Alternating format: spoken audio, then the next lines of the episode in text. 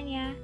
Sebelumnya, aku cuma mau ngingetin nih buat kalian yang masih suka beraktivitas di luar rumah, jangan lupa selalu patuhi protokol kesehatan ya, agar kita semua bisa terjaga dan tetap dalam keadaan sehat. Kenalin, nama aku Putri Salestari, salah satu mahasiswi dari UPI Kampus Tasikmalaya. Ini adalah podcast pertama aku, dan podcast ini merupakan tugas dari mata kuliah Pendidikan Lingkungan Hidup. Kali ini aku akan ngajak kalian untuk berbincang-bincang dan sharing mengenai video dan film yang udah aku tonton sebelumnya. Video dan film yang akan aku ulas di podcast kali ini yaitu video Urban Series 1 berhashtag Nyampa, kemudian video The Story of Plastic Trailer, kemudian video berjudul Plain Obsolescence Why Things Don't Last, dan film fiksi Wally yang dirilis pada tahun 2008. Dan pastinya video-video dan film ini sangat menarik buat kita bahas karena memberikan segudang pesan yang terkandung di dalamnya. Nah, kalian pasti sudah penasaran kan? Makanya tetap stay tune di podcast aku ya. Oke, yang pertama ada video Urban Seri 1 berhashtag nyampah. Di dalam video itu kita akan melihat betapa banyaknya sampah masyarakat perkotaan yang kini masih belum bisa diimbangi dengan pengelolaan yang mumpuni. Berawal dari Gustika Yusuf sebagai host yang akan menemani kita menjelajahi Bantar Gebang yang berada di Bekasi. Yang kita tahu bahwa tempat itu merupakan tempat pembuangan sampah Luas zona dari Bantar Gebang ini kurang lebih sekitar 45,5 hektar dengan luas keseluruhan areanya sekitar 110 hektar. Wow, bener-bener luas banget ya teman-teman. Nah, menurut data, volume sampah yang datang tiap harinya ke Bantar Gebang rata-rata seberat 6.000 sampai 7.000 ton per hari loh teman-teman. Nah, dalam tumpukan sampah tersebut banyak banget ditemukan sampah bekas botol minuman. Oleh karena itu, di Jakarta ada gerakan untuk mengurangi pemakaian botol minuman dan beralih untuk menggunakan wadah air dengan galon yang bisa dipakai berulang-ulang sehingga akan mengurangi volume sampah khususnya di Jakarta. Kemudian, sampah-sampah di Bantar Gebang juga didominasi oleh bungkusan dari produk VMCG Nah, ini menarik nih. Dari video Urban Series ini aku mempelajari sebuah istilah baru, yaitu VMCG atau Fast Moving Consumer Goods. Menurut sumber Kantar World Planner Indonesia pada tahun 2014, FMCG ini adalah produk yang memiliki perputaran omset dengan cepat dan biaya yang relatif rendah. Produk FMCG ini memiliki masa simpan yang relatif singkat dan sifatnya yang cepat rusak. Dalam jurnal Sundari pada tahun 2014 mengatakan bahwa produk FMCG ini erat kaitannya dengan konsumsi kehidupan kita sehari-hari, seperti perlengkapan mandi, produk makanan, produk minuman, termasuk obat-obatan dan barang elektronik. Di Indonesia sendiri, produk dari FMCG ini laris banget di pasaran dan mengalami pertumbuhan setiap tahunnya. Tapi konsekuensinya juga akan mengakibatkan jumlah sampah menjadi naik dari waktu ke waktu. Akibat dari sampah yang menumpuk dan terbuang tidak pada tempatnya, maka akan mengakibatkan pencemaran lingkungan. Selain plastik, ada sampah baru nih yang sering kita temukan, yaitu sampah masker sekali pakai.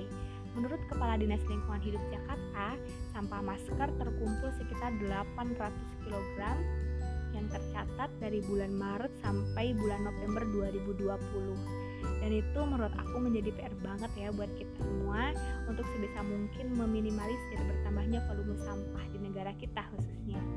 Oleh karena itu, regulasi tentang pengelolaan sampah dibuat dalam Undang-Undang Nomor 18 Tahun 2008 Nah, di sini kata regulasi juga menjadi istilah baru yang aku temuin setelah VMCG tadi. Menurut Colin Dictionary dalam ANI tahun 2020, regulasi adalah aturan yang dibuat pemerintah atau otoritas lain untuk mengontrol cara sesuatu yang dilakukan atau cara orang berperilaku. Dalam The Last Story, analogi tentang sampah ini diibaratkan sebagai sebuah bak air dan kita berusaha agar bak air bak air tersebut itu tidak penuh.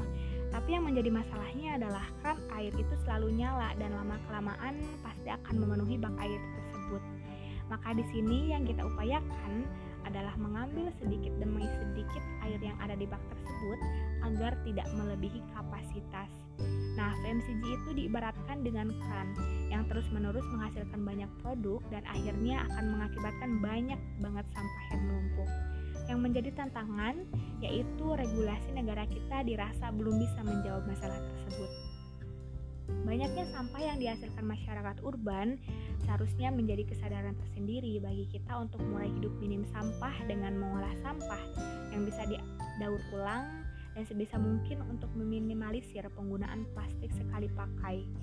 Perubahan pola hidup itu bisa dirubah, tetapi tentu harus ada kerjasama dari berbagai pihak, seperti halnya regulasi pemerintah terhadap produk FMCG. Di sini, produsen dan pemerintah juga perlu berkomitmen dalam masalah pengurangan sampah plastik sekali pakai. Oke, kita beralih ke video The Story of Plastic. Di sini uh, aku cuma lihat trailernya aja ya. Uh, di dalam video ini akan diperlihatkan bagaimana plastik dari mulai proses pembuatan hingga sampah yang tidak dikelola dengan baik dan pada akhirnya akan berdampak pada krisis lingkungan dan kesehatan manusia. Proses daur ulang plastik ini dari mulai pencucian dan pencacahan itu akan menghasilkan limbah cair yang dibuang ke saluran air. Plastik daur ulang ini berasal dari kemasan, produk rumah tangga, dan perawatan pribadi, sehingga berpotensi melarutkan bahan kimia senyawa pengganggu yang akan merusak ekosistem perairan dan mengancam kesehatan manusia.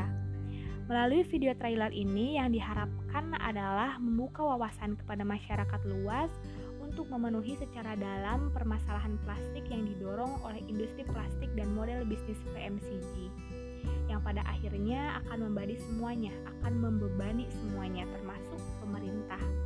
Perubahan perilaku masyarakat saja tidak akan cukup tanpa adanya perubahan dari industri dalam hal memproduksi plastik sekali pakai. Maka lagi-lagi di sini aku dapat kesimpulan yang sama bahwasannya untuk mengurangi jumlah sampah itu diperlukan kerjasama dari berbagai pihak sehingga proses dalam perbaikan lingkungan karena sampah bisa segera teratasi. Selanjutnya ada video Plain Obsolescence Why Things Don't Last. Dilihat dari judulnya aja, kita udah pada tahu ya apa yang dibahas dalam video tersebut. Ya, video tersebut membahas mengenai keusangan terencana dan mengapa hal-hal tidak bertahan lama. Hal-hal di sini lebih ditekankan kepada elektronik teknologi canggih yang biasa kita pakai sehari-hari, seperti handphone, setrika, microwave, mesin cuci, dan alat-alat lain yang biasanya bisa kita pakai dalam kurun waktu yang singkat. Kita ambil contoh handphone misalnya. Sangat kita sadari bahwa kita selalu berganti-ganti handphone setiap 1-4 tahun sekali.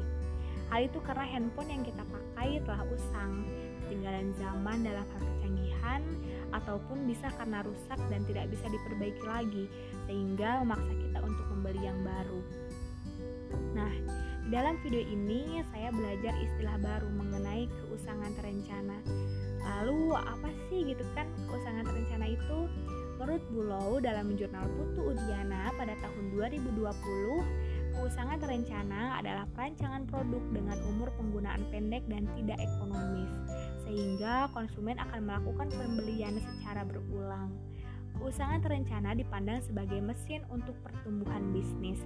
Hal ini sering terjadi dalam sektor teknologi. Maka yang terpampang jelas, di sini masyarakat yang dulunya bekerja di perekonomian reparasi informal kini beralih sebagai penjual aksesoris smartphone.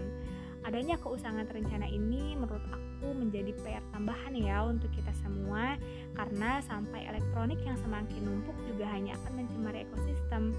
Pemerintah juga seharusnya bisa cepat mengambil sikap dengan menetapkan kriteria untuk berapa lama produk harus bertahan, kemudian memberitahu konsumen dengan lebih baik tentang daya tahan barang yang mereka beli dan mendorong mereka untuk memperbaiki produk tersebut daripada membeli yang baru. Nah, tadi aku udah e, ngebahas dan sharing tentang tiga video. Kemudian aku sekarang akan berbagi e, sharing mengenai film fiksi Wally dengan kondisi lingkungan dan budaya masyarakat kita di Indonesia. Sebelumnya, aku akan ngulas sedikit nih tentang isi dari film ini. Uh, jadi, film Wally ini menceritakan sebuah robot sampah yang bernama Wally. Wally ini bertugas untuk mengumpulkan sampah. memilahnya, kemudian menjadikannya satu dalam bentuk kotak dan disusunlah sampah tersebut sehingga terbentuk sebuah tumpukan-tumpukan sampah yang menyerupai gedung dalam hal tinggi dan besarnya. Lalu pada ke mana sih gitu kan manusia di dalam film itu? Manusia di dalam film itu pada ngungsi semua ke planet lain melalui sebuah pesawat khusus bernama Axiom. Nah, manusia mengungsi tentu karena disebabkan suatu hal Suatu hal ini yaitu karena bumi udah nggak bisa ditinggali lagi karena terlalu banyak sampah yang menggunung sehingga manusia berinisiatif untuk menugaskan banyak robot untuk mengolah sampah di bumi.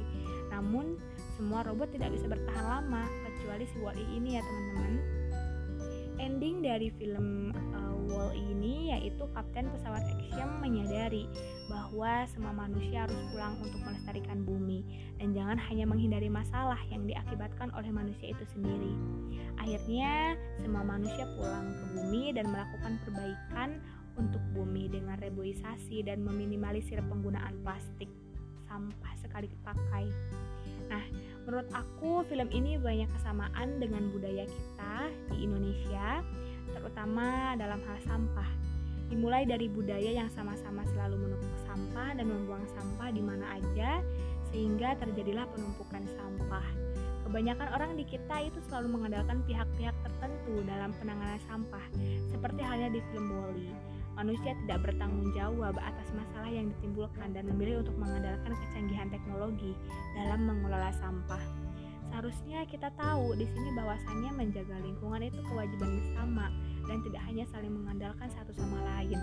Dan yang harus kita tahu bahwa jangan ketergantungan terhadap suatu teknologi sehingga kita yang malah terbodohi oleh teknologi itu sendiri.